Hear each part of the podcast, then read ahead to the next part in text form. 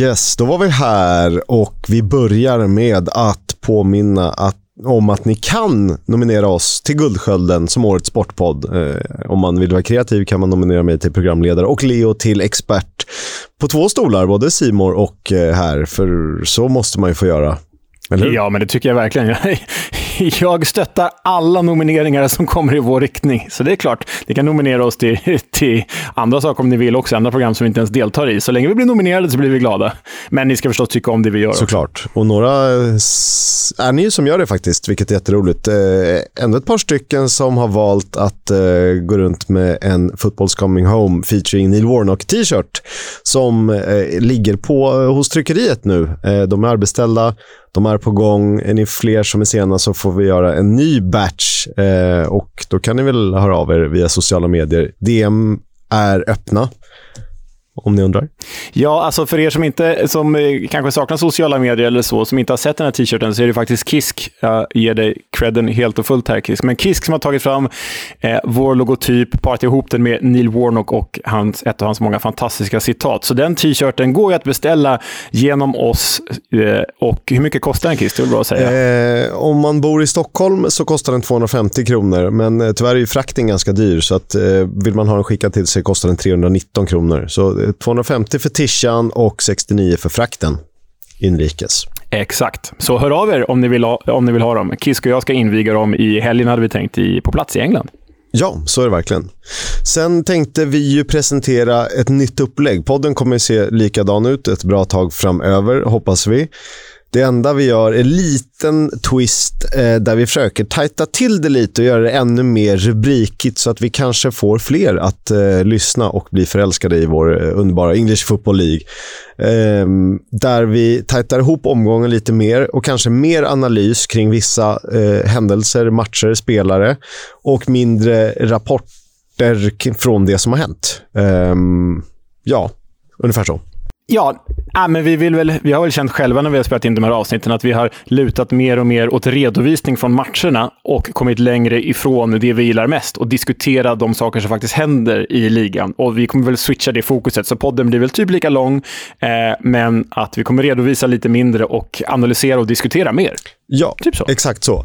Eh, och så försöka lägga fokus på de segment som vi vet eh, drar väldigt mycket. Antingen The Club eller Remember the Name och intervjuer. Och eh, på tal om intervjuer, vi har ju en gäst eh, som passar alldeles utmärkt eftersom vi ska resa till Sheffield i helgen. Ja, det var ju så att eh, du har ju munhuggits med Niklas Alexandersson som verkar vara en mycket större legendar på Hillsborough än vad jag faktiskt trodde. Så det ska bli kul att höra honom. Ja, han har ju bara inom citationstecken tre säsonger och Ja, det är väl är inte över 100 matcher. Jag tror han har 70-80 eh, ligamatcher för The Owls. Eh, men ändå populär. Han var där ganska nyligen och han berättar lite dos and don'ts i området, var man ska befinna sig och var man inte ska vara. Men eh, Sheffield saknar han. Mm. Ja, det här blir, det, jag ser fram emot att eh, ta del av den här intervjun, för, för Sheffield verkar sakna honom.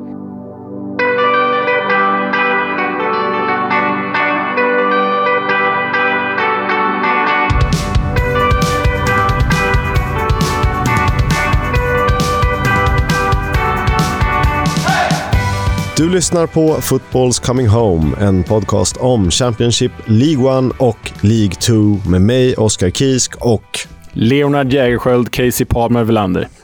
Uff, fick in Casey Palmer. Fasen, mm. på tal om bra namn, vi älskar ju bra namn. Uh, jag hade ju ett så himla bra. Uh, jag kommer inte ihåg om det var någon som skrev eller jag som dök uh, på det när jag var och typ transfermarkt eller Soccerway googlade mig igenom English Football League. Mm, vad var det då? Nej, det kommer jag inte ihåg.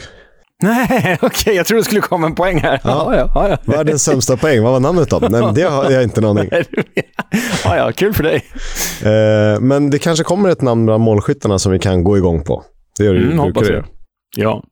Det var lite rörig fotbollshelg, eller rörig rörig, men det var några matcher i Championship som spelades. Någon blev uppskjuten som skulle ha spelats för eh, bland annat Preston North End spelade istället FA-cupens fjärde omgång. Så spelades det en Championship-match, tyvärr inte tv-sänd, under tisdagen. En FA-cupmatch under tisdagen, tyvärr inte tv-sänd. Eh, men vi har ju koll på läget. Ni behöver inte vara oroliga. Så att vi skjutsar oss tillbaka till lördagen och Championship. Och eh, Det var ett formsvagt Coventry som tog emot Huddersfield och då vet man ju precis hur det slutar. Ja, för då, då bryts ju alla trender som det alltid är i The Championship, eller nästan alltid i alla fall. För Coventry vann ju den här fighten med 2-0 efter mål av allas vår Gustavo Hamer. Jag vet inte varför han är allas vår Gustavo Hamer, men det är han från och med nu. Och Casey Palmer som smög sig in mellan mina mellannamn.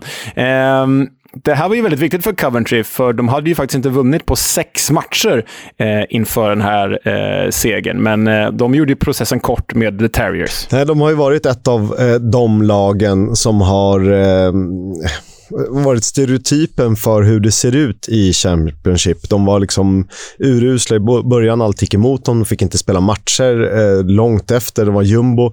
Sen som en raket, Viktor Gyökeres i, i guldform. Eh, tills det liksom började nosa upp mot playoffplatserna. Då rasade man igen, fick någonting emot sig och eh, nu får man nog titta sig över axeln mer än man kan eh, börja eh, greppa uppåt Ja, igen. jo. Eller inte efter det här, men innan, In, den, här innan matchen. den här matchen. Exakt. Eh, kul att notera var ju faktiskt att Viktor Gyökeres startade och att Viktor Gyökeres stannade. Det glädjer oss i den här podden, men han firade väl det i förväg genom att spela fram till bägge de här målen. Så Gyökeres i form igen. Han är ju nästan alltid i form på ett eller annat sätt. Eh, Casey Palmer gjorde mål mot sin tidigare arbetsgivare Huddersfield och Gustavo Hammer eh, curlade in en boll eh, på Gustavo Hammer-maner. Han är väl Hollands brasse-britt, eh, eller något sånt där. Holland, Hollands brasse-britt, precis. Och det här var ju något slags av en ny era för Coventry, för det här var ju faktiskt officiellt den första matchen under nya ägaren Doug King. Vi hoppas att det ska leda till bättre tider än vad det har varit de senaste åren. Lite lugn och ro i alla fall. Eh, han har ju varit Exakt. på plats tidigare, men det här var liksom exakt officiellt. Eh, penna och papper och sånt där. Exakt. Klart. Liten, eh, liten skräll ändå, eller så kanske det inte var det givet eh, formtabellen, men en som har sparkat igång sin eh, Championship-session för våren, Aaron Connolly. Wow, wow, wow. Ja, men vilket lån av Hall. Alltså, här firar ju Aaron Connolly sin 23 födelsedag genom att göra två baljer mot gästande QPR. Det blev ju 3-0 till The Tigers i den här matchen. Och det var faktiskt, hör och häpna Kisk, Halls första hemmaseger på fyra månader. Men eh, när den väl kommer, då är den stark. 3-0 mot QPR, det imponerar ju. Ja, och då får man sjunga en härlig ramsa och göra några... eh, Alltså de här rörelserna är lite... förlåt, men jag blir nästan lite äcklad av när folk står och gör, imiterar och tigrar. Eh, däremot gillar jag ramsan.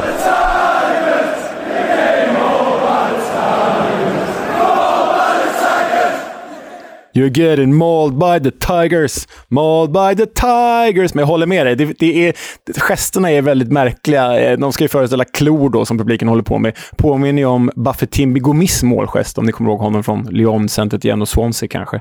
Ehm, är väl numera Galatasaray. Nej, det, det, så här, det är en töntig gest, men det är en härlig ramsa. Så kan vi säga. Ja, exakt. Det är lite som när skolbarn gör, oftast då tjejer var det på min tid, som gjorde såna här klappramsor. Jag vet inte, jag klarar inte av det. Okej. Ska jag... Ja, Nej, det går jag inte. kommer ihåg nu när vi delar rum i helgen här. Jag ska bara sitta och göra massa klappramsor på nätterna. Ja, jag ska, jag ska klappa till dig och ramsa samtidigt. Eh, Aaron Connolly har också pratat om det här. Han har faktiskt erkänt att han inte varit tillräckligt proffsig förut. Då kan man fråga sig varför, men kanske är det en mognadssak och inser att så här, fuck it, nu måste jag köra. Ja, men eh, det är väl starkt att erkänna det också. Eh, och hoppas att det håller i sig för den irländske landslagsmannen igen, väl, om jag säger rätt. Eh, å andra sidan, på andra sidan här, Neil Critchleys QPR, inte en seger på sju matcher. Det ser inte bra ut. Nej, och eh, jag drog ju en tes förut om att QPR var sämre utan Stefan Johansen som eh, i början av säsongen faktiskt eh, gled upp och toppade assistligan.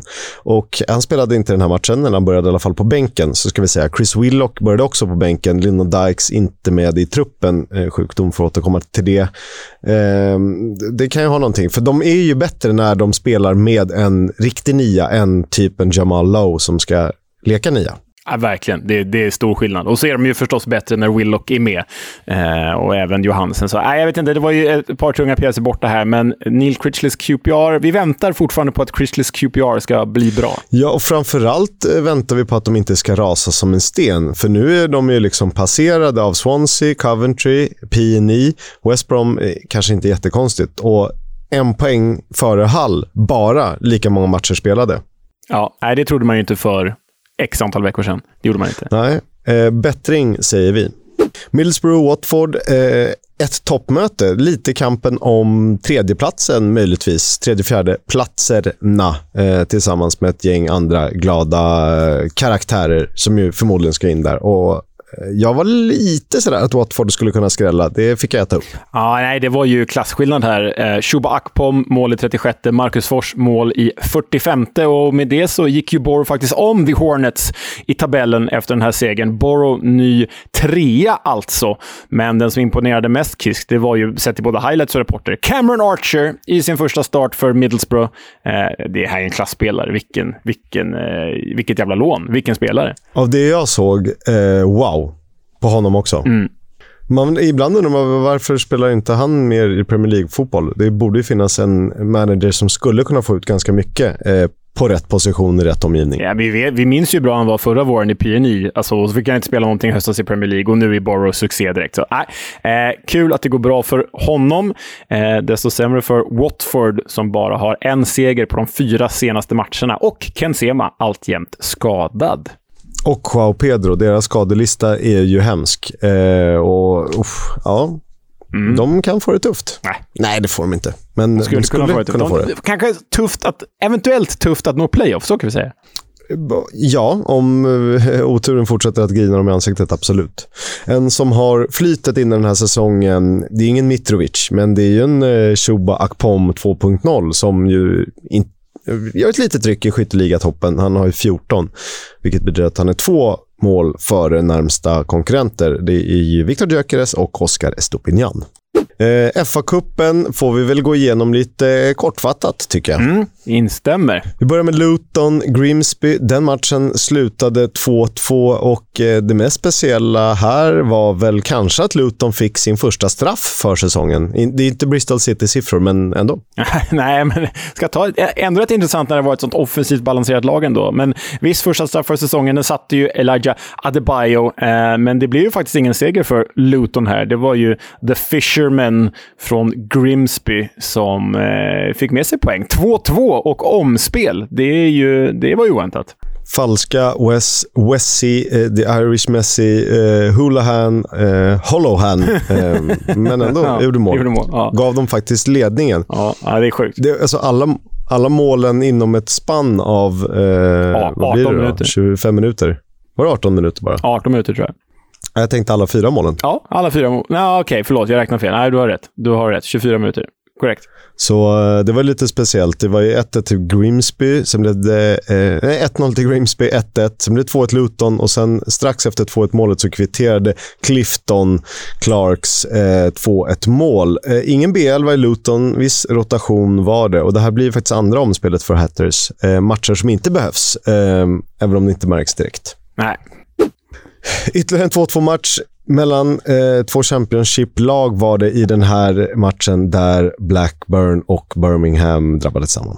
Ja, och eh, det är ju en klyscha, sliten sådan. Eh, det slutar ju 2-2 det här, så omspel väntade ju, även om det redan har avhandlats när vi, när vi pratar. Men släkten är ju värst, det är den klyschan jag ska komma till. Reda Kadra, som var utlånad till Blackburn förra säsongen, han är nu utlånad, utlånad till Birmingham. Han öppnade ju målskyttet som Bradley Dack sedan kunde kvittera för Rovers. Ja, eh, det var andra raka oavgjorda för Blackburn efter att ha spelat typ 41 matcher utan kryss, om jag räknade rätt. Eh, hyfsat jämnt eh, var det och det kan väl tillskrivas att fyra mål att det var lite svårspelad plan. Otur med studsarna, både för Kaminski och Edridge. Ja, och just Edridge får vi väl återkomma till här, för den stora grejen var ju att en Blackburn, jag vet inte om jag ska kalla honom supporter, men en Blackburn-anhängare riktade ju rasistiska glåpord mot Neil Etheridge i Birmingham-kassen. Neil Etheridge har ju påbrå från Filippinerna eh, och eh, det blev blev palaver och rabalder med rätta och sen har Neil Etheridge gått ut på sina sociala medier faktiskt under dagen, idag, under, under den här inspelningsdagen och eh, Eh, tagit eh, stort avstånd från rasism förstås och sagt att så här kan det inte fortsätta. Den här typen av människor ska inte få vistas på våra arenor eller på våra gator. Alltså rasisterna då, inga andra. Den sista idioten är inte född. Eh, det är allt jag har att säga om den saken. Eh, sen ett fantastiskt namn är det ju. Eh, det kanske var det jag, jag tänkte på förut. Joe Rankin Costello. Ja, Joe Rankin Costello. Han eh, ordnade ju 2-1 för Blackburn, men Jordan James, som låter som en påhittad PES-spelare, kvitterade ju för Birmingham i 90 minuten. Också möjlig superhjältenamn, Jordan James. Men Joe Rankin Costello, har man någonsin hört ett mer liksom punk, experimentell jazz, eh, frifräsar, liksom world music, eh, helt egen genremusiker än Joe Rankin Costello? Joe Rankin Costello. Du tänker på Elvis Costello då, den, den musikaliska kopplingen där. Ja, nej, men kanske släkt med ja. Elvis Costello. Och så Rankin låter lite punkigt sådär. Ja, ja. Nej, det är bra. Det är en bra shout. Bra shout.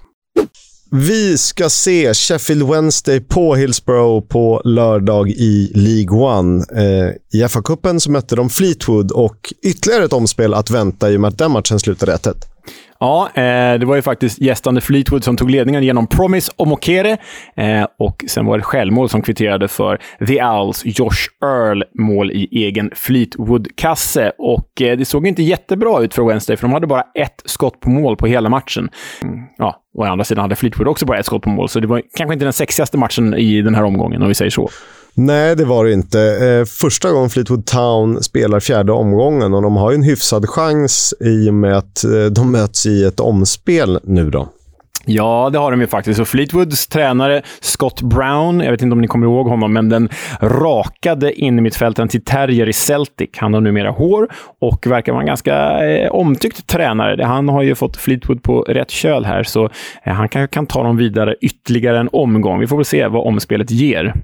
Var det inte Scott Brown som skulle um han avslutade karriären i Aberdeen efter att ha varit i, i Celtic i, i 400 år för att han mm. skulle utbilda sig till tränare. Men ja, eh, gick snabbt till Fleetwood. Till Fleetwood. Mm.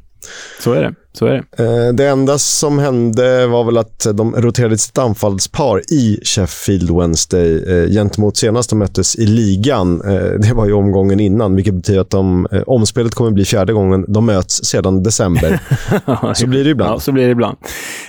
men det blir kul för oss på lördag. Det är ju profilstarkt Sheffield Wednesday, Barry Bannon på mitten, Michael Smith på topp, Josh Windass, son till den Dean Windass. Den Dean Windass, svårt att säga. Den Dean Windass. Den Dean Windass. Och poängstart starke backen Liam Palmer. Äh, det här blir roligt. Och sen har de ju David Stockdale i mål också.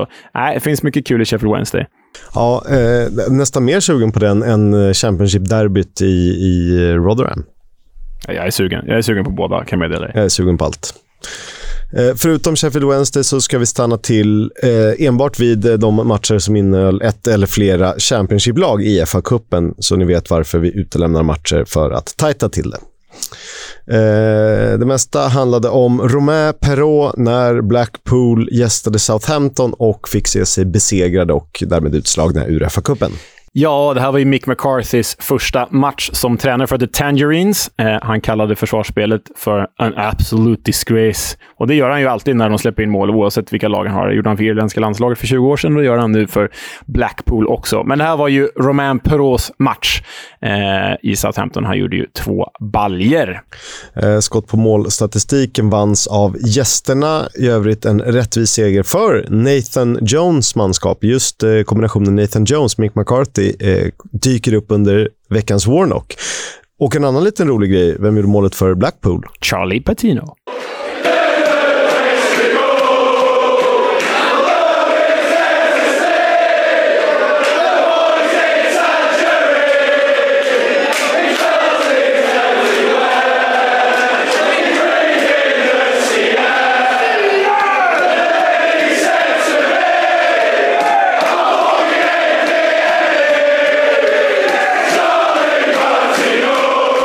En ramsa som är för bra för att inte spela typ varje gång vi nämner hans namn i den här podden. Exakt. Eh, jag tänkte på en grej.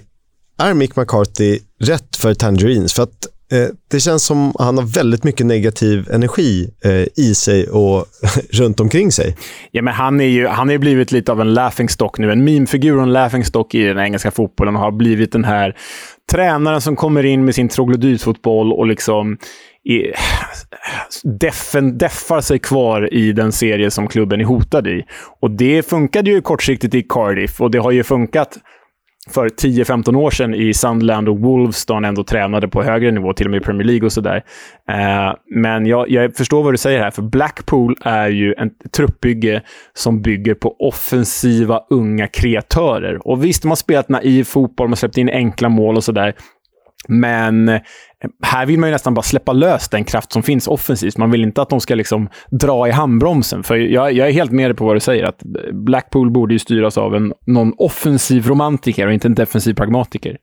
Alltså hellre en så Graham Potter-karaktär. Eh, en, en, yngre variant, eller inte nödvändigtvis yngre, men en ny variant. Ja, men som Neil Critchley förra säsongen i, i, i Blackpool. Alltså så.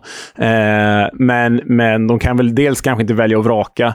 Och eh, du vet hur det är när lag och ägare hamnar under press. Då brukar man ju gå för liksom det, det säkra inom citationstecken valet. Och eh, Mick McCarthy har ju ändå lyckats med sina kort, kortsiktiga uppdrag. Så. Jag vet inte. Jag är bara glad att Mick McCarthy är med i loopen igen, för han är så jävla rolig. På, på ett omedvetet sätt. Ja, eh, det kan ju bli så att han räddar veckans Warnock-våren. Att vi slipper sitta och googla gamla klipp. det gör vi inte, för det finns alltid något roligt. Eh, 2-1 blev det alltså till Saint i den matchen. Eh, X eh, Fulham tog emot nuvarande Championship-gänget Sunderland och eh, Jack Clark, eh, lite av en poddfavorit, ex-Spurs-spelare, fick göra sitt första mål sedan oktober, men det blev ytterligare ett omspel. Ja, för det slutar ju 1-1 efter mål av Tom Cairn. Och om jag ska ha på mig mina rent personliga Fulham-glasögon här så måste jag ju säga att jag är ytterst förvånad att, att eh, eh Fulham ställde upp med B-laget här, för det gjorde de. Jag menar, de ligger ju typ sjua i Premier League, har säkrat säsongen. Eh, här hade man ju kunnat gå för FA-cupen. Det här, det här är ju något att drömma om, att kunna ta sig långt i FA-cupen. Fulham har ju aldrig varit ett särskilt starkt inhemskt upplag i alla fall. Eh, så nej, det förvånade mig och jag tycker ändå att Sunderland eh, Ja, jag tycker Sunderland kommer, iväg, kommer ifrån den här matchen med den äran om de ska ta på sig liksom Championship-glasögonen. Alltså, spelmässigt underläge, absolut, men jag tycker ändå Sunderland var faktiskt bra nog chansmässigt för att kunna få med sig eh, avancemanget från den här matchen. Absolut. Eh, Tony Mowbray har ju gjort det jätte, jättebra och sen kanske det går att tillskrivas att han hade en hyfsat bra trupp ändå trots skador eh, som man fick ta över med fina lån eh, som kanske till och med är lite för bra för nivån. Eh, men ändå, och så jobbar ganska ungt. I den här matchen var sju spelare el, eh, av de elva i startelvan eh, 22 år eller yngre. Ja, och liksom the icing on the cake där var ju att 15-årige Chris Rigg hade en boll inne. Eh, dock dömdes det bort för offside, korrekt. Men det målet, om det hade stått, Sunderland, Sunderlands Chris Rigg alltså. Om det målet hade stått hade Chris Rigg blivit den yngsta målskytten i FA-cupens historia. Eh, så det är synd att det inte fick stå. Ja, eh, sen, alltså han är ju född 2007. Ja, äh, men... Ja, ja, så... Och det, det, är inte hans fel, det är vi som är gamla, jag vet. Men eh, sen håller han på Newcastle också, tycker jag är rolig fakta. Hoppas att han eh, blir en ikon i Sunderland. Jag hoppas det. Ja, det hoppas vi verkligen, allihopa. 1-1 i den matchen. Eh, ett av, eh, ytterligare ett lag eh, som spelade oavgjort från Championship. Totalt sex till antalet som ska spela eh, omspel om man räknar in Birmingham och Blackburn, som vi återkommer till. Eh, så var det faktiskt Burnley eh, som spelade 0-0 borta mot Ipswich Town.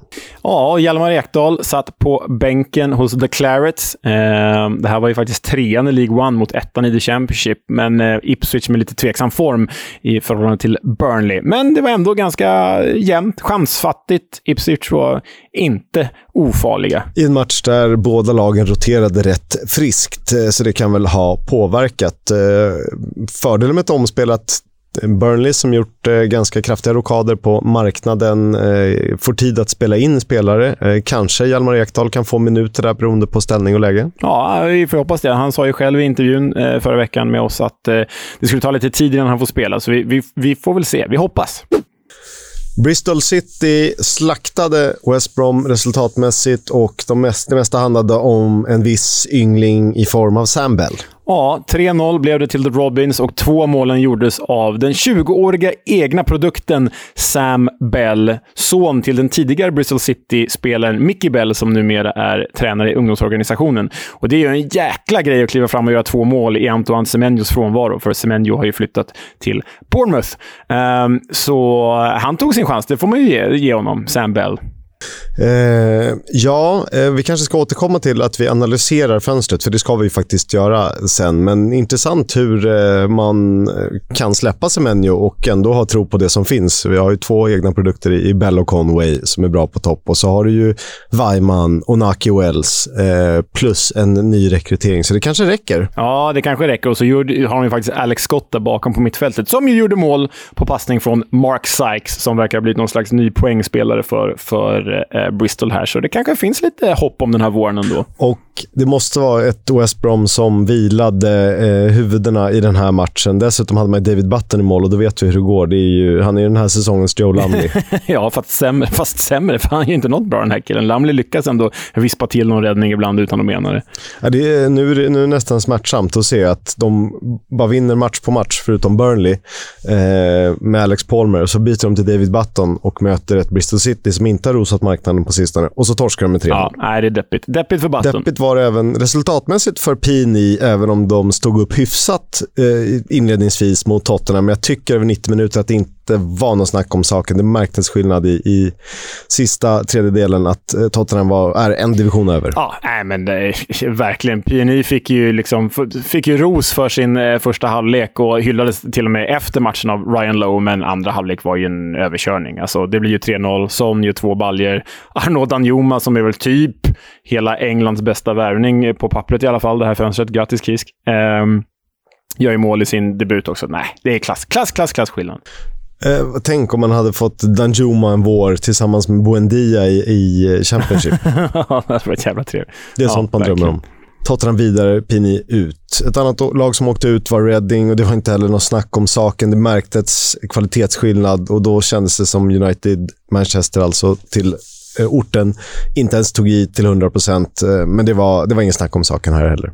Nej, 3-1 och det vi tar med oss här var väl att Reading gjorde en okej okay första halvlek innan Andy Carroll drog på sig tokmössan och tvåfotstacklade sig ur den här matchen, för det är inte en snygg eh, kapning av Casemiro. Det är rött kort direkt och det ska det vara i den andra halvleken. Och dessutom klipper han väl Christian Eriksen bakifrån, eh, som ju har eh, förmodligen ödelagt Eriksens säsong. Ja, nej men precis. Och där fick, väl inte, fick han väl inte ens ett gult kort för. Han borde alltså ha haft två röda kort i den här matchen, Andy Carroll. Ja, äh, trist för Eriksen. Eh, å andra sidan har ju United Tom Huddleston i reservlaget att slänga upp där i, i, som Eriksens ersättare. Så de går ingen nöd på. Har man Huddleston så, så klarar man sig. Det är mer synd om Eriksen än om, än om, ja, än om United. Eh, Amadou Mbenge var tröstmålskytt för Reading. 3-1 skrevs eh, slutsiffrorna till. Söndagens fa Cup-bataljer spelades mellan Stoke och Stevenage. Eh, inte heller här var det något snack om saken när ett eh, Championship-lag faktiskt tog sig vidare. Ja, man kan ju säga att det slutade i 3 till Stoke och det var ju siffror i underkant. Stoke borde ha vunnit med mer än så, men det hindrade ännu inte Stevenage tränare Steve Evans att tycka att de skulle haft straff. Han var förbannad direkt efteråt. Man ska komma ihåg att Stevenage går ju bra lite längre ner i divisionerna under Steve Evans ledning, men här var de absolut numret för litet. Josh Laurent eh, fick ju på en riktig pangträff. Det brukar han ju få. Man vet ju liksom inte vilken fot han är bäst med. Ja, men det är det som är rätt härligt med Stokes mittfält. Alltså, de skulle ju kunna ställa upp med Josh Laurent, Lewis Baker och Nick Powell och alla har ju bössor från helvetet. Så jobbigt. Man måste liksom försvara över hela planen, inte bara utanför boxen. Eh, kul med Stoke, intressant. Vi får se vad, vad som händer framgent. Och så till slut då det sjätte laget som eh, kommer att få spela playoff, eh, playoff omspel i eh, FA-cupens fjärde omgång i Sheffield United. De gästade Wrexham, matchen slutade 3-3. Det jag tycker är absolut sjukast det är att strålkastarna som används på Racehorse Ground, heter den väl, är godkända för spel. ja, det... alltså man ser ju ingenting. De är, de är nog inte godkända för Nej, nej, jag vet. Men de är ju kanske inte godkända för spel om de skulle gå upp i Premier League eller ens till Championship. Men nu är det lång bit kvar där. Men Wrexham ligger ju i, i vad är det, National League, alltså i, i femte divisionen, va? League 2, alltså femte divisionen. Eh, jag tycker det här var, det var synd att det inte blev eh, äkta fa Cup-romantik här. För jag menar, Rexham, alltså vadå, tre divisioner under Sheffield United, tog ju alltså ledningen med 3-2 i den 86 minuten. Och ändå gick de inte vidare. Ändå skulle John Egan kvittera i 95. Det tyckte jag var synd. Ja, men det håller jag med om. Men där fick de för att jag inte såg någonting på, på höjdpunkterna för att det var så dålig sikt i mörkret. Nej, skämt åsido, det, det är lite äkta att det ändå får vara så. Men man blir förvånad. Det ska bestämmas om allt, men eh, du såg ju egentligen bara runt kanterna. I mitten var det väldigt mörkt. Ah, ja, skit i det. Det var för Tommy Doyle noterades för två målgivande passningar för gästande Sheffield United och han fortsätter att vara väldigt, väldigt bra för Blades. Ja, nej, men det är ju en, det är en av många riktigt starka spelare på Championship-nivå. Men det jag tar med mig mest från den här matchen, Kisk, vet du vad det är? Att Paul Mullin, den stora, stora stjärnan i Wrexham, stora anfallsstjärnan som ju egentligen skulle spela League One med, med Cambridge, men som flyttade ner till National League. Han gick ju in med en, det är konstigt att säga maskot, med, men med en sån här, en, ett barn eh, in på planen och den här ungen verkar ha nått slags besvär med höga ljud. Så ungen gick in med, med hörselkåpor för att slippa höra publiken. Eh, och då gjorde Paul eh, Mullin det också. Eh, väldigt eh, fin bild att eh, båda går in med hörselkåpor eh, och han gör det för att stötta den här ungen. Tyckte jag var väldigt fint. Ja, det var ju, ehm, det var därför. För att jag såg, första gången jag såg bilden tänkte jag, jaha, Uh, gör reklam för de nya så här, Dr. Dre-hörlurar eller? ja, ja. Vet man inte Ja. med längre i, vad- i vad kidsen har runt öronen. Och det var väl också Paul Mullin som körde Fuck the Tories på sina sko- skor? Ja, exakt. Och det går ju hem i, i Wrexham, kan ju- kan meddela. Det är ju, eh, Wrexham är ju så anti-Tory som man kan bli. Poddfavoriten Paul Mullin med andra ord. Ryan Reynolds var på plats. Han ringde upp Rob McElhenney. Eh, visade tydligt på bilden att jag ringer Rob eh, här. Varför han gjorde det vet jag inte, men eh, ja, det gjorde han i alla fall. Ja, jag kan meddela att eh, det, det kommer en liten hockeykoppling här. Jag är inte så insatt i hockey mer än i klubbmärkens värld, givet boken jag skrev förra året. Men det sägs ju att Ryan Reynolds är väldigt nära att bli delägare i Ottawa Senators. Ottawa Senators ska ju säljas i NHL och då är kravet att Ryan Reynolds ska vara en av delägarna när det blir en ny majoritetsägare där. Så han kommer antagligen då äga Ottawa Senators tillsammans med Det Rex. hade varit mycket häftigare om han var sugen på att köpa in sig i Halmstad Hammers. Eller, Verkligen. De Kan skicka en inbjudan till honom. det ska vi absolut göra. Eh, en match till i Championship att avhandla. Luton, Cardiff. Den spelades på tisdagskvällen och i och med tre poäng till hemmalaget Hatters så är Luton ny fyra i tabellen. Ja, och eh, det var ju Elijah Adebayo som var i händelsernas centrum. Han brände straff i den 72 minuten. Han avgjorde med matchens enda mål i den 88 och som vi gillar en Elijah Adebayo i form. Det är synd att han och Carlton Morris inte kan prestera samtidigt, för de har liksom... eh, de har som något där maraton, eller vad heter det, så här, stafettlöpare, bytt stafettpinne här mitt i, mitt i säsongen. Tänk om båda hade kunnat fungera samtidigt. Då hade nog Luton kanske legat tvåa i tabellen till och med. Lätt överdrivet. Så hade det kunnat vara. Och när de får fart på Colly Woodrow. Wow, wow, wow. Ja. Nej, men fyra i tabellen. Alltså, Luton känns ju på allvar just nu som det enda laget som kan hota Middlesbrough, West Brom, Norwich och Watford om eh, playoffplats. Och det vore jäkligt fräckt om Luton gör det igen. Ja, det hade det varit. Eh, jag vill ju också att Millwall ska vara med i leken och stöka. Eh, är Sunderland får gärna eh, vara det också. Men Blackburn har jag lite börjat störa mig på nästan. men Blackburn... Nej, vi gillar, jag gillar Blackburn i alla fall. vi men, vet att men du de, gillar 23 av 24 lag i den här serien. men de är inte tillräckligt bra bara. Blackburn är inte tillräckligt bra, tyvärr. Adebayo br- brände ju straff. Och du, jag har ett bra smeknamn. Jag har ett Ja, bra smeknamn. Jag har ett bra smeknamn. Jag kom på det nu, bara när vi sitter här. Han går ju så bra, den lilla satta mittfältaren i Blackburn just nu. Nu, ska vi, nu, nu blir det ett sidospår här, stickspår, eftersom att det är Blackburn och inte Luton eller Cardiff. Men Bradley Dackburn. Ja, Bradley Dackburn. Bradley Dackburn, eller hur? Det har ju någonting. Ja, det har någonting. Det har någonting. Ja, ja. Eh, lite som att... Eh, vem var det som var Implingtons Iakinta?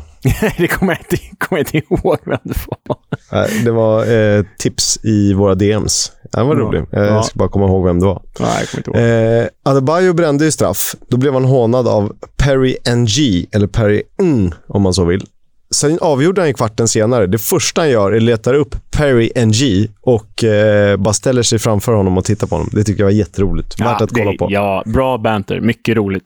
Ehm, roligt för Cardiff, det blev inte så kul för de förlorade, men roligt för Cardiff var att det faktiskt såg rätt bra ut. De hade ju flertalet av chanserna här och det här var ju Sabrila Muchis första match som Cardiff-manager. Mer om det under nyhetssektionen.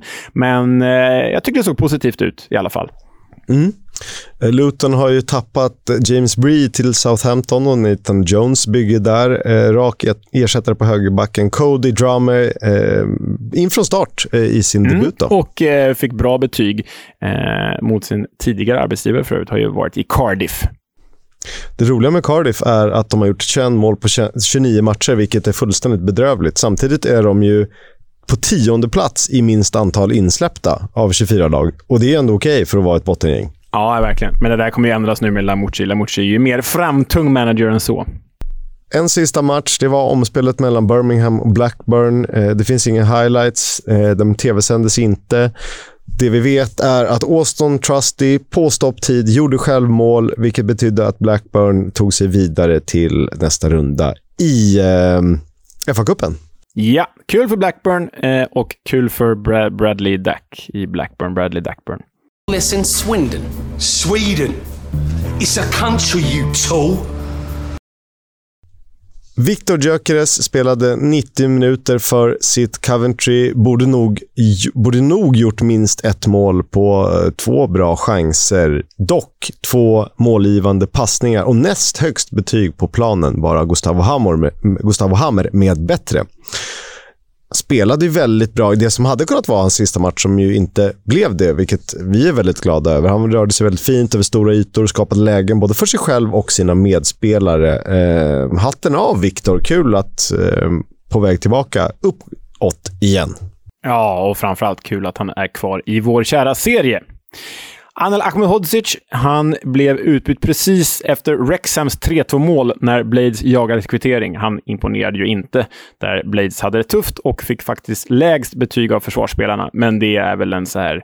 Oh, en, en, eh, det är ganska ovanligt när det gäller Ahmedhodzic i Sheffield. Ja, men det är det verkligen. Och eh, det här känns snarare som att eh, vi kanske inte fokus var där överhuvudtaget i Blades. Eller så mötte man ett så påkopplat Rexham som har en bättre trupp än vad Eh, Eh, läget i tabellen säger. Så um, det skiljer kanske inte så mycket egentligen. Hjalmar Ekdal var oanvänd inhoppare eh, inhoppare, avbytare blir man ju då, i mållösa matchen Ipswich-Burnley. Eh, Gladbach-lånet Jordan Beyer och Irak, Belgiske nyförvärvet Amin Al-Dakil bildade mittlås och ja, det såg väl helt okej okay ut, eh, men det ska inte vara en omöjlig uppgift på sikt att Ekdal ska slås in i den där startelvan. Nej, men både han och Amin Al-Dakil är ju värvade långsiktigt. Eh, jag menar, i sommar så står ju faktiskt Burnley på pappret utan eh, Jordan Bayer, Jordan Bayer, Jordan Bayer och eh, Taylor Harvard Bellis. Eh, sen kanske de köper loss dem eller lånar dem igen. Men än så länge så är ju faktiskt Amin Al-Dakil och Hjalmar Ekdal de två mittbackar de har till sommaren. Så det är klart att eh, han kommer få sin speltid. Victor Johansson fick också noll minuter och det berodde ju helt enkelt på att Rotherham inte spelade någon match. Skönt med lite vila inför derbyt och inför vårt besök i Stålstan. Ken Sema spelade noll minuter. Han var återigen utanför truppen på grund av skada. Det börjar väl närma sig comeback. Om jag förstått det rätt så spel, tränar han på fotbollsplanen. Så får vi se när han dyker upp igen. Mm, vi har, kan meddela att vi har gjort förfrågningar om att ha med honom i vår podd här. Vi får se om det landar i något eller inte.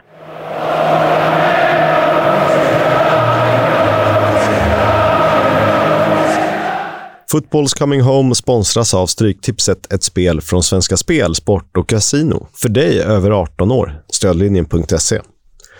Det hade ju varit roligt att snacka upp Rotherham, Sheffield United eller Sheffield Wednesday, Plymouth Argyle, men tyvärr finns de ju inte med på veckans kupong. Istället gillar jag mötet mellan Millwall och Sunderland i match 10. Vi har ett ramstarkt hemmalag med kryddig offensiv mot ett Sunderland som imponerat som nykomling. Det är tufft att åka till det den, särskilt när man tvingas göra det utan sin skyttekong. Skyttekong? Skyttekung? Ross Stewart blir borta fyra månader och det betyder att han missar resten av säsongen. Och Även om det gick okej okay utan honom så är offensiven något sämre när inte Loch Ness Drogba eller Ellis Sims spelar. Tom Bradshaw känns i gott slag och Sian Fleming är ju alltid på spelhumör. Med eh, Stewart borta så lockar ju faktiskt den raka ettan i den här matchen och jag tror att det var över två gånger pengarna. Eh, så där kan man hitta värde. Leo, vad ser du fram emot? Nej, men eh, det blir väl en fredagsmatch på en pub för oss i Sheffield. Det är West Brom som eh, spelar fredag kväll. Eh, så är det faktiskt en måndagsmatch eh, när vi har kommit hem från Sheffield också. Blackburn mot Wigan, den vi skulle åkt på ursprungligen. Eh, då kommer jag i och för sig spela Korpen, så jag får väl se den i efterhand på något sätt. Den ska jag bojkotta av ren princip, för att de flyttade den. ja, rimligt. Men framförallt ser jag eh, fram emot lördag 16.00 Middlesbrough mot Blackpool, där det blir två helt vitt skilda stilar som möts under Michael Carricks Middlesbrough och Mick McCarthys Blackpool. Liverpool och så måste jag ju ta varje chans jag får att se Mick McCarthy, för det är ju en personlig favorit. Eh, du menar alltså att du ska sitta och kolla på den här matchen på Hillsborough i någon telefon då, eller? Nej, det är klart jag inte ska. Jag är ju på plats, men jag är ändå spänd på den här matchen. men kul ska vi ha. Ja. Have you not been watching? I haven't. Wigan sparkar ju alltså Colo Touré efter nio matcher. Det blev tre kryss, sex förluster. Eh, Sean Maloney tar över, gammal ikon, var med och vann FA-cupen, bland annat. Ja, gammal eh, hjälte i Wigan. En av de liksom absolut bästa i, i det laget i, under Roberto Martinez Premier League-år där. Eh, så det är ju liksom ett populärt val. Vad jag har förstått så har väl han varit assisterande till Roberto Martinez i belgiska landslaget. Eller assisterande har Henry varit, men han har jobbat i det belgiska landslaget under Roberto Martinez eh, och gjort det med den äran. Sen har han ju faktiskt kort tränat eh, Hibernian i Skottland. Eh, jag vet inte hur bra det gick, men det blir spännande med ny tränare i, i eh, Wigan i alla fall, för det behöver de. Det behöver de. Vi har redan nämnt det, men Sabri Lamouchi, den tidigare franska landslagsmannen, är ny manager för Cardiff. Eh, han får med sig Sol Bamba som assisterande. Eh, det är ju ett namn som förpliktigar i Cardiff-kvarter. Man älskar ju honom i Cardiff eftersom att han spelade där. En Neil Warnock-favorit dessutom. Lamouchi har ju liksom blandat och gett i sin managerkarriär. Han, han var ju liksom ganska upphåsad i Frankrike och i Rennes. Han stod för offensiv fotboll och så. Och sen gick det väl sådär i... Han kom väl på kant med Alexander Milosevic i Nottingham Forest om jag minns rätt. Det var väl Lamouchi som petade Milosevic och sen har han väl varit i arabvärlden. Så jag vet inte, det känns lite som en sista chans för Lamouchi på, på den här engelska nivån i alla fall. Mm, vi får se hur det går. På tal om nya tränare, Big Dunk Ann Ferguson är ny manager i Forest Green Rovers. Det kändes som alla de här blev eh, utnämnda för väldigt länge sedan, men det var ju förmodligen så fem minuter efter att vi hade pubbat eh, senaste poddavsnittet, eh, eftersom de har taskig timing där borta. Eh, det brukar ju vara lite mm, roligt när han presenterar I've just managed to rustle up a couple of vegetarian burgers to, to, to, to, show Duncan. Duncan, I don't want you to bite into on, uh, on camera, but what do you think? Look, look lovely, don't they? Very nice indeed. I'll look forward to eating that later. but in, in serious terms, you make sure that the players pre-match, post-match, yep. home and away, yep. eat vegan yep. food. Is that still the case? Oh yeah, absolutely. Yeah, it's uh, really it's a it's a broader policy than that. As a club, all of the food that we serve to anyone, players, staff, and fans, is plant-based, no animal products. Just that. And Duncan, are you a big environmentalist? You try to you, you recycle, you do all that sort of stuff. I, I, we try at, at, home, yeah. Obviously, I need to do a lot more, as we all do, because yeah. you know the the, the, the, the earth is, is warming up, isn't it? So we need we need to all do our bit. Since I've, I've come here, I'm sure uh, I'm yeah. sure I'll, I'll learn a lot more. Ja, hela den här veganlivsstilen känns ju väldigt obigdankig. Ja, det känns ju... Om man får vara fördomsfull så känns det som att eh, Duncan Ferguson, ni minns ju honom säkert från tiden som eh, target player i Everton på eh, 90 och 2000-talet. Men, eh, men det känns som att han käkar ju en köttbit till frukost. Eh, och när han då står och säger det här klippet, jag tycker det är så jävla kul, när, när han säger “Well, the world is heating up, in it? It's getting warmer, in it?” Ja, det, är, det är också så bra när frågan är så här, visst brukar du recycla också? Ja, men jag försöker dra mitt stå till stacken. I'm trying. Lite så för ja. ärlig. Bara, ja, jag försöker. jag, alltså, jag, ärligt talat, jag skiter i jag, jag är här för pengarna. Jag kommer inte käka någon jävla plant beef, plant-based beefs. Nej, så jävla roligt. Mycket bra, mycket bra kombo. Det känns som att det bara kan gå åt helvete, men det är glädjande.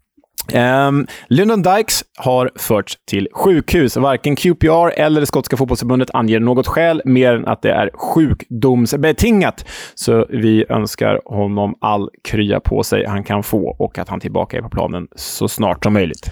Det gör vi även till Ross Stewart som blir borta i fyra månader. Alltså missar han resten av säsongen, vilket är väldigt tråkigt. Eh, vi hoppas att han kan ta sig tillbaka senare, för att han är en otroligt fin anfallare när han spelar. Ja, det här kan ju vara säsongsdefinierande för Sunderland. Det, det kändes ju på allvar som att de skulle kunna ha en chans på playoff med honom. Nu vet det fan. Även Huddersfield-målvakten Lee Nichols missar resten av säsongen. Detta efter allvarlig axelskada och nu har de hittat en ersättare i form av den tjeckiska landslagsmålvakten Thomas Watzlik. Eh, ben Brereton Diaz har skrivit på ett förhandskontrakt med Villarreal och flyttar till Spanien från sommaren. Och ödets ironi vore ju att Blackburn gick upp till Premier League och så lämnar han eh, ett alldeles för lukrativt kontrakt och flyttar till Villarreal istället. Men det är väl härligt att bo där. Johan Berg Gudmundsson förlänger kontraktet med Burnley med ett plus ett år.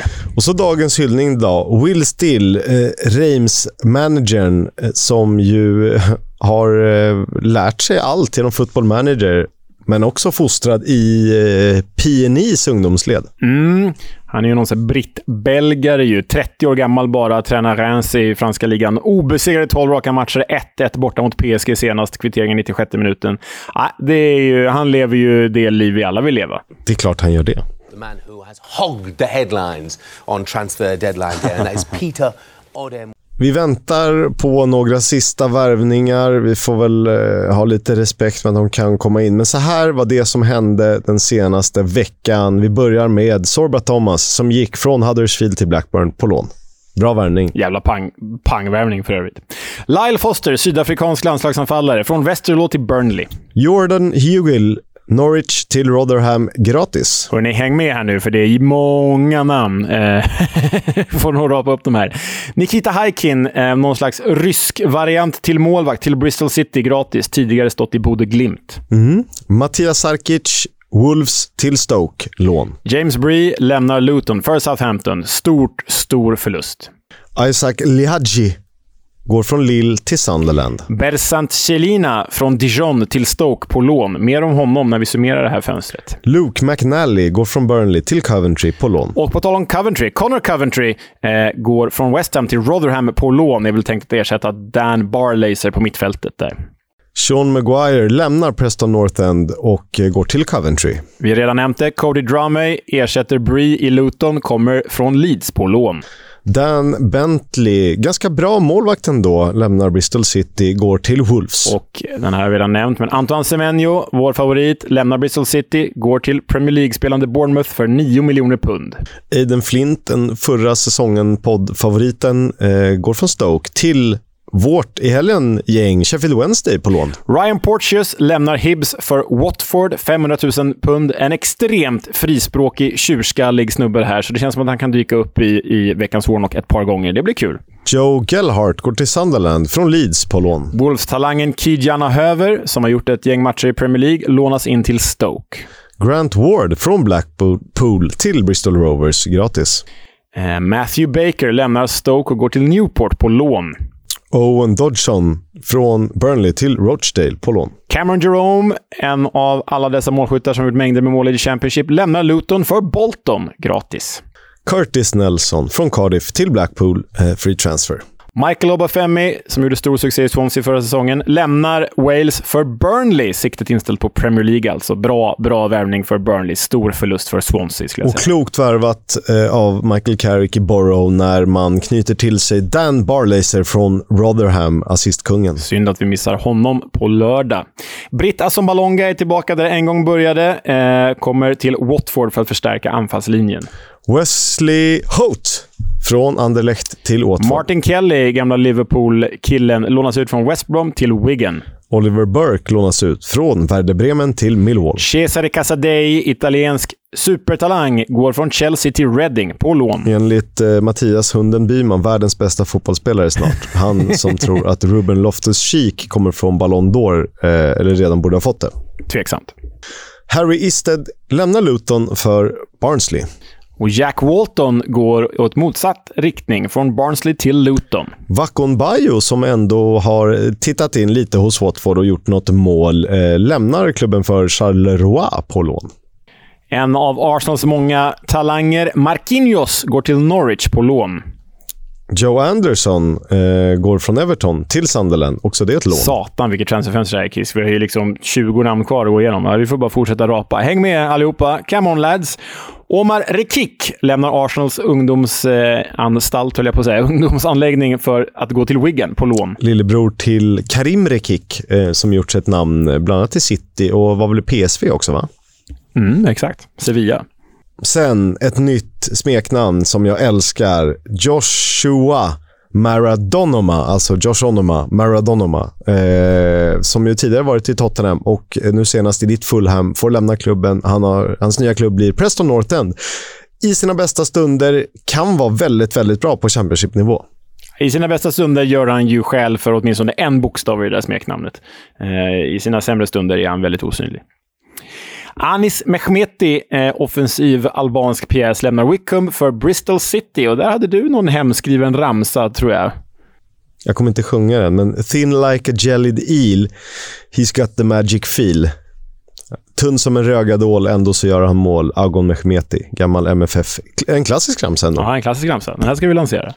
En eh, ruggigt spännande förstärkning till Middlesbrough från Aston Villa på lån. Aaron Ramsey. Och det är inte den Aaron Ramsey, utan det är den andra Aaron Ramsey. Och en annan ganska bra värvning känns väldigt on, eh, liksom känns väldigt eh, troget Millwall. Men Duncan Watmore lämnar Borough och går till Millwall. Känns ju verkligen som en spelare för The Den. Ja, men en eh, Benica Fobe-uppgradering, om det vill sig väl. Ja, verkligen. Och så spelar han med namnet Marvelous Nakamba. Aston Villa till Luton på lån. Gick ju till Aston Villa 2019 för typ 200 miljoner kronor och nu lånar de ut honom. Ja, bra, bra värvning. Nathaniel Shaloba lämnar Fulham för West Brom. Det är väl nog bra för alla parter. Han Noah Masengo eh, går från Bristol City till Auxerre på lån. En av de bättre värvningarna det här fönstret tycker jag ändå, i alla fall sett till behov. Harry Cornick lämnar Luton går till Bristol City. Carl Darlow, eh, ytterligare en Newcastle-målvakt som ska göra succé i Championship, går till Hull på lån. Vår säsong, förra säsongs favorit, luxemburgare Daniel Sinani, lämnar Norwich för Wigan på lån. Och jag måste säga att baserat på hur bra han var i Huddersfield förra året så känns det här som att han är alldeles för bra för Wigan. Men han har ju inte fått spela i Norwich, så vi får se hur det där blir. Sent om sidor så kändes det som Wigan kryddade med precis det som behövdes för att kanske möjligtvis eh, greppa tag i den sista chansen för att klara sig kvar. Exakt så. Emanuel Longelo går från West Ham till Birmingham. Hörrni, nu är det typ av tio namn kvar här. Enok Agjay lämnar Anderlecht för att gå till Burnley. Ett eh, stort framtidsnamn. Ett av många i Burnley. Eh, VM-spelaren Bailey Wright går från Sunderland till Rotherham på lån. Mark Albrighton, ja ni vet den Mark Albrighton som vunnit Premier League med Leicester. Han lämnar Leicester för att gå till West Brom. Trist nog, Harry Sotar eh, lämnar Stoke och Championship på permanent basis för att dra till Leicester. Ganska mycket pengar. Var det inte 17 miljoner pund eller något sånt där? Jo, det var, det var mycket pengar i påsen. Och Stoke svarar med att förstärka, i alla fall till mittfältet, genom att låna in Bournemouths Ben Pearson. Joe Taylor, Peterborough till Luton. Alex Tuansebe, Manchester United-talangen som inte är en talang längre, går till Stoke. Thomas Watzlik, alltså Olympiakos, in till Huddersfield, ersätter eh, Lee Nichols. Mm. Det blev ju ingen Lewis O'Brien i Championship, men man tror ju att eh, sent om sidor eh, så skickade Blackburn Rovers in pappren och att allt ska vara klart. Vi får väl se vad som händer. Alldeles, alldeles för bra för Blackburn Rovers, måste jag säga. Men eh, kul om det går igenom. Han stod som Nottingham Forest-spelare så sent som eh, under eftermiddagen. Vi får se vad som händer. Håll koll på honom. Det var några som inte blev av. Eh, vi börjar med utropstecken. Eh, Topp tre. Jag börjar med min trea. Äh, det är ju att ha Britta Sombalonga tillbaka där han är hemma. Mm, den gamla anfallaren tillbaka i Watford alltså. Eh, vet du om jag är sugen på Kiss? Vet du vem som är min trea på utropstecken? Ja, det vet jag ju, men du får säga det. du ser. Det är den eh, Kosovo, den kosovakiska, vad säger man? Kosovo-landslagsspelaren Berzan Celina som lämnar Dijon för Stoke på lån. Och här finns det ju enorm hög höjd. För jag har sett honom både i Swansea och Ipswich. Han har gjort mål från 30 meter. Han har dragit in frisparkar i krysset gång efter annan. Han har dock kommit bort sig lite grann i åren i Frankrike, i Dijon. Men det här är en spelare som, om han lyckas, så kan han bli en av seriens mest sevärda spelare. Så jag hoppas att vi får se den gamle Berzan Celina här. Eh, du hade en fråga. Man säger väl kosovanska landslagsspelaren om man eh, ska be. Kosovanska, ja det gör man ja. ja. Eh, på andra plats, det är Cameron Archer och Aaron Ramsey till Borough. Eh, nu känns ju Borough som den givna trean i tabellen och det är väl nästan lite långt att ta ikapp eh, försprånget till, som Sheffield United har. Men eh, om det är några som ska göra det, då är de här två för Borough. Kan, känns väldigt, väldigt bra. Ja, men jag håller med dig. Jag, jag kan skriva under på det. Här. Det, det är riktigt klokt värvat av Middlesbrough. Vi har ju lyft det här förut, den gjordes ju klart ganska tidigt i det här fönstret, men Josh Bowler tillbaka i Blackpool, det är min tvåa på utropstecken. Jag menar, han ensam är ju lika bra som resten av Blackpool-gänget. Ehm, tycker för övrigt att Tangerines värvat ganska bra, både bredd och någon slags spets för deras nivå. Så de skulle kunna hålla sig kvar och om någon ser till att de håller sig kvar, då är det ju Josh Bowler. Ehm, så kan det absolut vara. Eh, och Det här är ju utropstecken och frågetecken, men sista utropstecknet då, för mig är det givet, det är Burnley. Jag tycker att de spetsar till en redan väldigt stark trupp på ett klokt sätt. De har liksom inte förivrat sig. Det är spelare som kan växa in i det och det är väl klart det är lättare som topplag att, varva på sikt, men eh, det känns ändå som det är tryggt och det är beprövade spelare, det är spelare man vill testa för framtiden. Nej, hatten av. Ja, jag håller med. Det var min första plats också. Burnley har värvat för Premier League för de vet att de kommer hamna där. Så nej, de kommer nog gå hem den här serien. Så känns det. Om vi tittar på frågetecknarna. Visst, eh, Stoke har förstärkt väldigt intressant i Chelina, Höver, Pearson, Tonsebe, Sarkic. Eh, ganska namnkunnigt. Men de har ju också tappat eh, ganska mycket rutin i Harry Sotar, Eh, i Joe Bursick, eh, Aiden Flint. Inte nödvändigtvis rutin i ålder, men rutin jag har spelat mycket och gjort det på en, på en bra nivå. Eh, och så har de ju tappat DeMarjo Wright Phillips. Eh, och jag tänker, jag vet inte om det hjälper att de värvar så som de har gjort, för de har det ju tufft ändå. Så att jag... Eh, frågetecknet är ju nog för Stoke överlag och jag är inte helt säker på att det här är rätt väg att gå. Nej, ehm, um, ja, jag hör vad du säger. Uh, jag sätter väl lite tilltro till att Alex Neil får lite av de spelare han faktiskt vill ha nu, eftersom att han kom in när transfer, förra transferfönstret var stängt. Men jag hör vad du säger. Det känns som att det verkligen kan bli en tillvända av där det bara slår snett i Stoke. Absolut. Eh, mitt eh, första frågetecken på tredje platsen alltså, det är QPR. De har inte hittat rätt under Neil Critchley än. Eh, de har bara plockat in Jamal Lowe.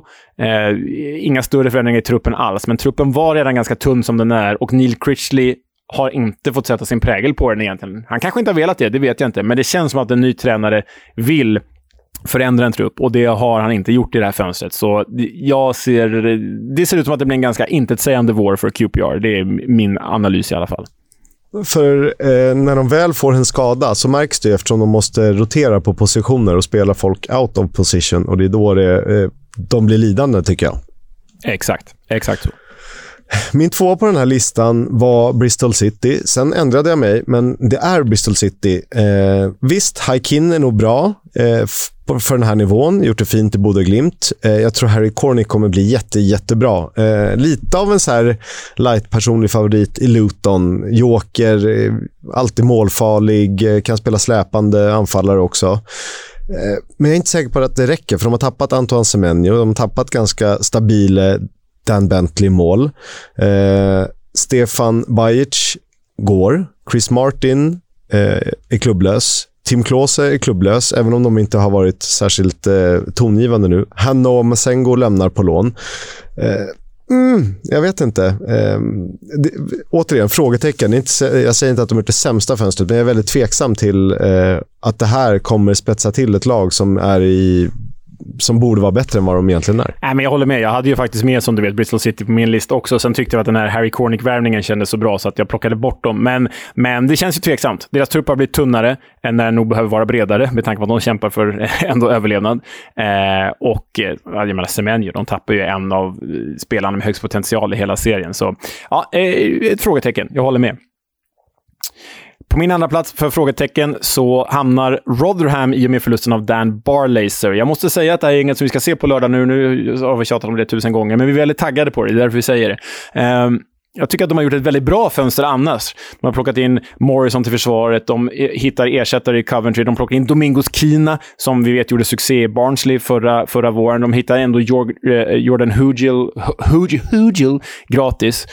Um, det är ett bra fönster, men Dan Barlaser var ju deras överlägset bästa spelare. Eh, svårt att se att de ska lyckas ersätta honom på kort sikt. Överlägset näst bästa spelare menar du va? Ja, sorry Viktor. Tillsammans med Viktor Johansson, men... deras överlägset bästa spelare. Eh, överlägset bästa utespelare? Ja, det är så kan man säga. Eh, så nej, jag har svårt att se att de lyckas ersätta honom på kort sikt i alla fall. Det är väl frågan om Co Connor Coventry eh, kanske kan kliva in och ta en, en del av det. Vi, vi får se. Sen frågetecken och smisk och eh, utskällning och eh, alltihopa på en och samma gång. Det går till de båda walesiska klubbarna och rivalerna Swansea och Cardiff. För de har ju behövt förstärka på olika sätt. Eh, Cardiff för att stabilisera sin position från bottenlag till mitten åtminstone och Swansea för att pusha för playoff. Men ingenting händer. Och dessutom så gjorde ju Swansea ett sent försök att ta Carlan Grant, vilket jag tror hade kunnat bli väldigt, väldigt bra. Dessutom hade vi fått se ett Callum Robinson, Carlan Grant-derby i South Wales. Men inte ens det lyckas de med. Uh. Nej, men ingen spelare inom Michael Obafemi ut. Alltså, Swansea är man ju ändå inte orolig för i någon slags bottenstrid. De kommer ändå vara ett mittenlag, eller kanske till och med över halvan. Eh, och i riktigt bra stunder, nog som till och med på, på, playoff. Men jag håller med dig om att för att kunna göra den där playoff-pushen så hade det behövt hända någonting nu. Och typ Carlen Grant mot Obafemi, det hade ju varit en förbättring. Men när de inte ens drar in det så, nej. Men, men för, jag har ju exakt samma frågetecken som du har här, Wales på, på första platsen. Men Cardiff känns ju ännu värre total disharmoni ja. i truppen, ny manager, publiken hatar dem. De har ekonomiska problem. De plockar bara in en spelare, en anfallare vad jag sett hittills. Så nej, Cardiff eh, känns... Eh, Ja, alltså jag ja, vi får se med Sabri Lamouchi, men... men äh, och det är inte alltid att en värvning behöver vara lösningen. Jag säger inte att man ska övershoppa sig själv som många engelska klubbar gör. Men det är, ja, här behöver man lite tändvätska. Något smart lån från Premier League. Det finns ju bevisligen spelare som går eh, neråt och som behöver speltid och som har tillräckligt med kvalitet. Ja, ja verkligen. Vi lovade att vi hade en intervju. Det var ju lite så här, nu drar vi till Sheffield, vem ska vi prata med? Niklas Alexandersson, såklart. Eh, så jag ringde upp honom och eh, pratade kort om Sheffield som stad, eh, området runt Sheffield, vad man ska förvänta sig när man åker dit och hans eh, stora minnen. Jag lovar att det blir lite Paolo Di Canio, det blir lite Benito Carbone etc. etc. Ehm, god lyssning. Jättekul att ha med Niklas Alexandersson. Vi sticker ju till Sheffield i helgen och eh, som eh, veteran och lite av en ikon eh, som svensk i Sheffield Wednesday ska vi ta ett snack. Eh, du var 26 år när du flyttade från IFK Göteborg till England. Och visst var det så att du skrev på i december, mitt i Champions League-gruppspelet och flyttade från Blåvitt? Ja, det stämmer. Eh, det gick ganska fort när det väl eh, blev dags där. Sheffield sladdade ju lite grann i, i Premier League där och ja, hade precis bytt manager, satt in eh, Ron Atkinson och eh, ja, ville få in lite nytt blod i truppen där. Så, så det blev så att innan vår sista match mot uh, Bayern München borta tror jag så, så ja, typ i början på december så skrev jag på för det blev eh, lite begränsat med spel inledningsvis. Du fick spela lite och så hade du lite otur med skador där i början. Eh, var det inte så? Ja, eh, alltså när jag väl jag debuterade någon gång.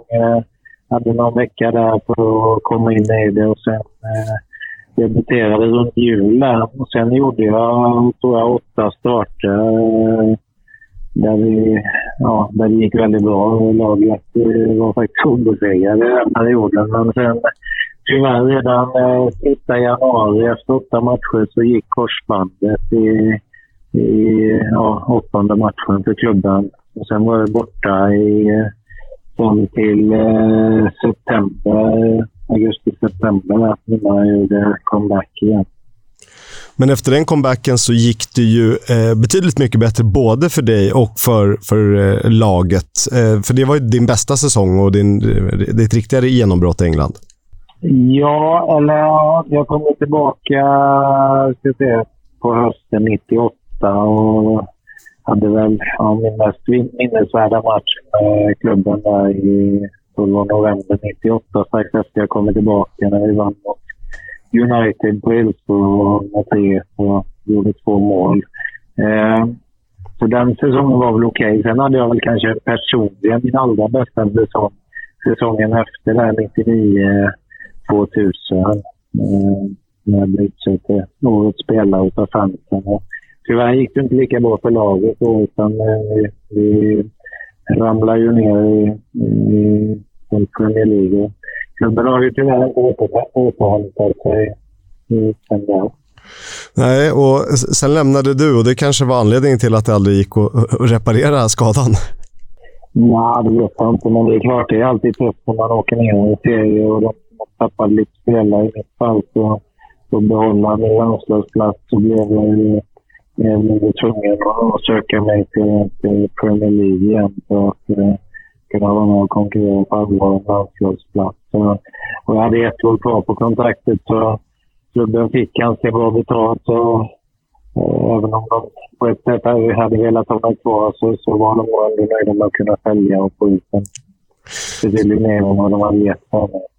Då eh, ändå en, en liten eh, vinst, en eh, tur i oturen. Då. Hur, hur, skulle du beskriva eh, Sheffield som stad för de som inte känner till den?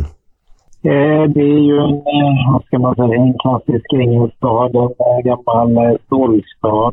Stålindustrin är det som, som dominerar. Eh, när jag bodde där så var väl kanske inte centrumkärnan liksom sådär dominerande vad det gällde shopping och så vidare. Man har ett stort shoppingcentrum som låg precis i utkanten Hon heter Meadowhall.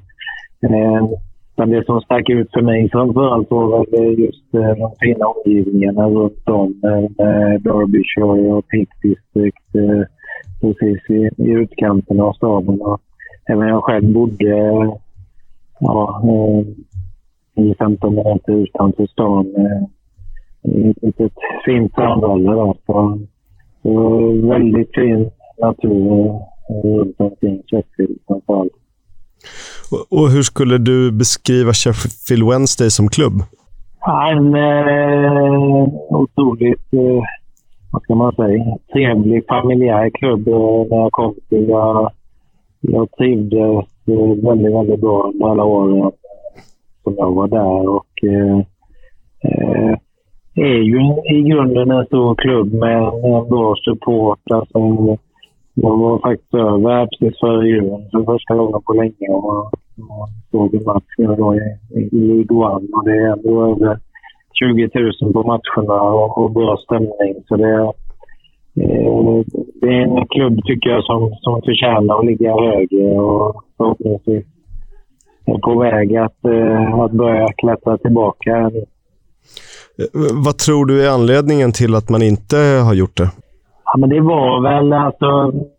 Redan då jag var där så var det en relativt stor omsättning på spelare och managers. Så, eh, det är klart, när man väl åker ner och du inte kanske riktigt har stabiliteten i, i grunden och att det, att det blir mycket ja, spelare som, som flyttar på sig och människor som kommer och går så så, så är det lätt att man kommer in i en ond cirkel. Och, att det blir svårt att liksom få den här kontinuiteten och bygga upp något igen som blir hållbart på, på sikt. Det är klart, rent ekonomiskt så förlorar vi väldiga summor när du, när vi ramlar i eh, Premier League och, och spelar i serien och andra. Och det har väl blivit lite bättre med fallskärmarna gentemot hur det var för 20 plus år sedan? Då? Ja, men det tror jag. Det är klart att det, det ändras hela tiden. Men det är klart, gapet upp till de största klubbarna och med de pengarna som finns där har kanske blivit ännu större också i takt med att det har kommit in investerare från ja, eh, olika ställen i världen eh, där de har mycket pengar. Så det är klart, de största klubbarna i England har ju helt andra resurser och. Så är det ju. Du, du spelade med en eh, hel del härliga karaktärer. Wim Jonk, Pavel Sernicek, Schildebild, Benito Carbone, Paolo Di Canio, för att nämna några. Vem var egentligen bäst av dem du spelade med på, på Hillsborough? Jag skulle nog säga att den som jag var mest imponerad av, alltså, som man tränar med dag ut och dag in, var nog Paolo Di Canio. Han var väl hans eh, liksom, kapacitet och, och förmåga både på träningsplanen och i matcher. Så, så tycker jag nog att han var den som stack ut med. Men eh, ja, eh, Carbone kommer väl kanske strax därefter. Och sen är det, ja, som du nämnde, flera duktiga andra som har spelat Eh, i New York, eh, som du nämnde. Även Jess Walker eh, skulle jag hålla ganska högt eh, och så vidare. Hur var Dicanio i omklädningsrummet då? För att han hade ju en del eh, intressanta eh, händelser utanför planen. Nej, han var ju en, en, en karaktär både på och eh, vid sidan av plan. Eh, han hade ju, eh, till skillnad från de lite mer konservativa engelsmännen, så hade han för det första en klädstil som stack ut ganska rejält bland, bland britterna. Han kom ofta i färgglada jackor, ingångsfärgade och eh, hade alltid lite så hade en, en Wales-star i laget som eh, de brukar köra lite catwalk där med... Eh, eh, det var ju till och med så att man själv tillhörde de lite mer exotiska inslagen bland, bland de mer traditionella britterna. Så där, eh, hade man något som stack ut en dag så blev det lite catwalk där med. Så där. Nej, men sen var det ju...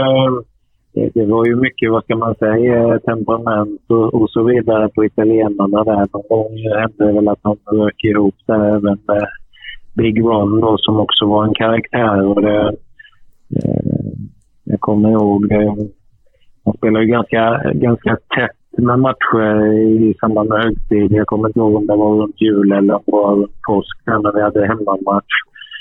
Eh, på lördagen tror jag och så hände det något i omklädningsrummet. Det blev lite tjafs i omklädningsrummet så när vi skulle åka dagen efter på, på bortamatch till Leeds där så, så var inte Dikanio med på bussen utan han efter några moment så kom han först dagen efter där efter matchdagen.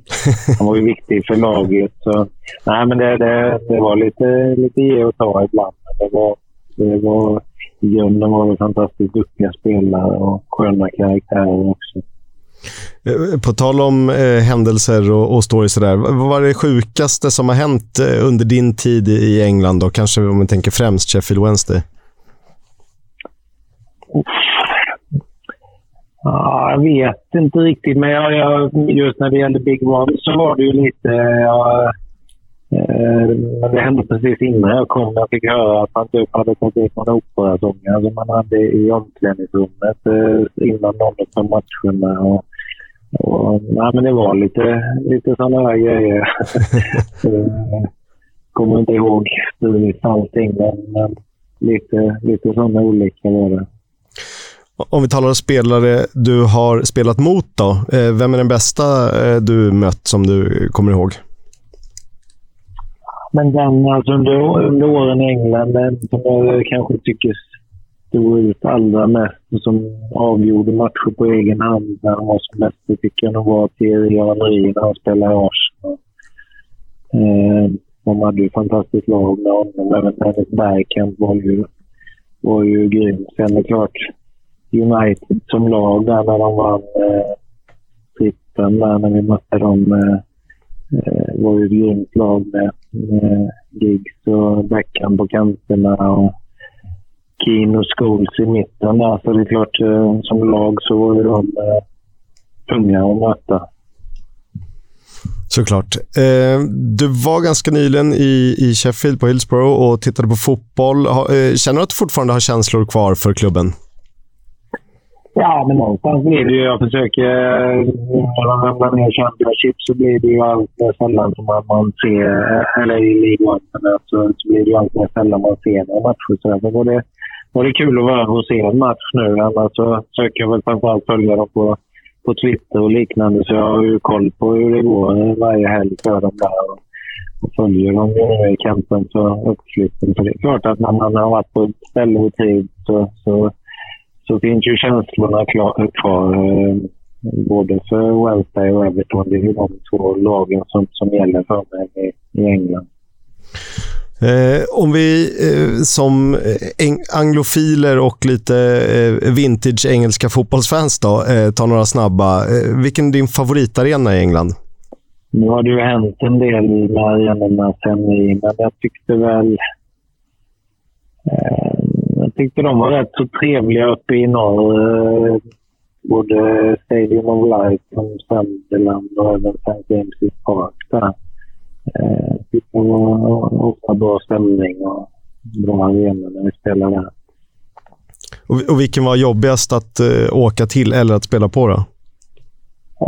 Eh, jag vet inte om jag var med och vann. Eh, varken på, höll på, säga, på Old Trafford eller på Highbury som jag spelade på då. Men det är klart, den som var jobbigast eh, var väl... Jag var nog inte heller med och vann något derby på Anfield. Och det är klart, på så vis så blev det jobbigt att spela på Anfield. För vinner du inte derbyna där så är det ju extra tungt. Ja, och då får man höra det och, och derbyspöken och liknande. Eh, du har ju bott i flera olika städer eller områden då i England om man så vill. Vilket är, vilket är ditt favoritområde eller favoritstad? Oj. Eh, ja, svår. Men favoritområde är ju lite, som jag nämnde tidigare, The Peak District som är väldigt kuperat. Och, eh, man får nästan lite ja, fjällkänsla i Sverige. Väldigt eh, fint landskap och fin, eh, fin natur och så. Sen just som stad. Jag gillade ändå Manchester en del, men eh, jag bodde i närheten av den. Mycket trevlig stad. Eh, slutligen då, bästa och sämsta tränare. Det brukar ju pratas mycket om de här stofilerna. Eh, nu vet jag inte vilka exakt du hade, men eh, vilka är de bästa och sämsta du hade i England? Oj. Eh, ja, men de var, ja, utav de jag hade så var det väl lite, lite mer den, eh, den gamla skolan. Eh, alltså Big One, jag gillar honom personligen. Jag fick väldigt stort förtroende och så. Sen eh, kanske det fanns tränare som egentligen var bättre. Jag vet att vissa var inte, var inte lika begeistrade, men för mig personligen så, så, så var han bra när jag kom. Eh, den sämsta, jag, tyckte väl inte att det var någon så, men det, jag får väl säga David Moyes, även om han egentligen var kanske rent fotbollsmässigt kanske den bästa. Så med tanke på att jag inte fick spela lika mycket under honom så får jag ändå säga honom. Även om han är mer på personer som alltså jag objektivt ser på det så tycker jag snarare kanske att han är en av de bättre för de jag hade. Det där kan ju skilja sig eh, ut efter betraktaren såklart. Mm. Ja, han är ju alltid lika... Han är så här sävlig, Niklas Alexandersson. Eh, lika sävlig... Han är hallänning. Han är, det räcker så. ja, det räcker så. Men lika sävlig i munnen som han var eh, pålitlig på plan. I men, jag, jag har liksom förstått först nu egentligen, när vi satt oss in i det här, hur, vilka avtryck han gjorde i Sheffield Wednesday, det här målet mot Manchester United och att han var tillbaka där och folk verkligen, verkligen uppskattar honom. Alltså Sheffield Wednesday la ju ut ett klipp då när de intervjuade honom i december när han var där med familjen. Och det är liksom hundratals kommentarer som bara så här, kom tillbaka, vi älskar dig fortfarande, du var bäst. Alltså, han är ju stor där och det har jag aldrig riktigt förstått. Nej, och egentligen gjorde han ju, han kom ju på han kom i december, för det här var innan transferfönstren. Eh, och så spelade han några matcher, knät gick sönder. Sen då, det som skulle bli hela säsong två eh, var han ju bra. Eh, fast laget var bättre. Sista, hans sista säsong var ju han eh, jättebra. Laget var lite sämre och åkte ur. Så det blev väl lite tråkigt, men de minns väl honom. Eh, det är svårt att vara bäst i ett lag som åker ur. Det är, fast hellre det än sämst i ett lag som vinner, eller jag vet inte. jag vet inte. Ja, det är kul att han är ihågkommen på positivt sätt i alla fall. We'll have a chat about the fucking game. About your game, last few months, last few weeks. Fucking character. Ja du Chris. det här kommer du få stå ut med hela våren här, men så länge Mick McCarthy är med så kommer jag ju kämpa in honom så gott jag kan i veckans Warnock. Och eh, återigen är det en sån här intervju där han inte menar att vara rolig. Han menar inte att, att sticka ut som, som eh, den gode Neil Warnock gör, men han gör det ändå bara genom att vara denna här Mick McCarthy. Och Blackpool mötte ju Southampton i FA-cupen och eh, det är tydligen så att Mick McCarthy och Nathan Jones har sprungit på varandra ganska många gånger i the dugouts. Och eh, här pratar Mick McCarthy om sin relation till Nathan Jones. Yeah, but that's not because I've had it. That's, I didn't share my moment because of that. I've shared my moment because I spent my life fucking barking at him and shouting at him and him at me when he was at Charlton in the 23s. And then he went to Brighton and he'd come in and say, oh, that goal was offside. And I'd say, piss off. We've had arguments like, you know, Nathan and I. But I've always, I've always liked him, loved his, respected him for the way his, team at Charlton in that under 21s used to come. They were a different class. They were well coached and they used to run around. And then the same Brighton, he was with Chris Hugh. And then the job I thought he did at Luton was was fabulous. And I've, I've just I've sent him a few messages recently because because of the results he's had. Uh, and that's the reason why. Because I like him and I respect him and I think he's a really good coach. And it, I, I was delighted when he got this job. And I hope he keeps them up for him. I've got no affiliation to Southampton or 91 other teams for that matter while I'm at Blackpool. Uh, but for him, I hope he does it because he proved his worth. He got the Stoke job, that didn't go well. He came back to Luton, dragged them out of poverty almost, they nearly got them promoted and left a great squad for Rob Edwards now. Uh, and that's why my moment, not because the two of us are in the shit, because all of those other reasons. Appreciate it. No problem. Ja, det, är, det är blandade känslor där. Jag vet inte, han skrattar och gråter och hatar och älskar honom om vartannat. Ja, men det är som att han typ så här... Jag stör mig så jävla mycket på den här Nathan Jones och därför respekterar jag Ja, honom. det, det är lite som eh, vår relation till Neil Warnock ungefär. Ja, ja, men typ så. Kärleks, kärleksfullt med hatiskt kärleksfullt. Han är, eh, han är otroligt... Alla de här eh, tränarkaraktärerna är speciella. Men jag undrar om inte Mick McCarthy är Jo, speciellast. det tycker jag. Verkligen. Eh, stort tack för idag till alla som, eh, er som lyssnade. Vi drar ju till England i helgen. Eh, Sheffield närmare bestämt än ni har hört. Förhoppningen är att vi ser en match i Championship, eh, en match i League One och en match i Premier League. Eh, klassikermötet Nottingham Forest Leeds. Eh, historiska vingslag, Championship för inte så länge sedan. Eh, så det touchar ju den här poddens epicentrum. Ja, det gör det verkligen. Jag är så ohyggligt taggad på nästan den här tanken bara att se en match i varje, varje division där i eh, de tre högsta. Äh, det blir roligt. Det blir riktigt, riktigt bra. Det här ska bli kul, Kisk. Så får vi väl se vad som kommer ut i form av ehm, reflektioner live på, på plats eller därifrån direkt efter slutsignal och sånt. Vi, taxin mellan New York Stadium och Hillsborough kanske ska spelas in. Vem vet? Vem vet? Det blir kul i alla fall. Ciao! Hej, hej. Upptäckta vägar, de han tar.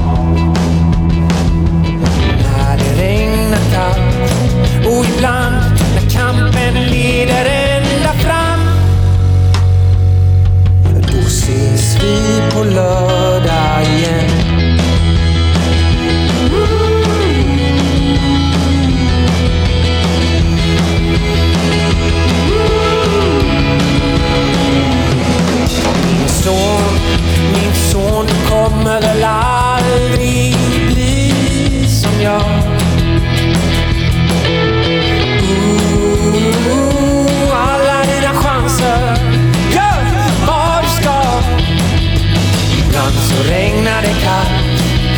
Ibland så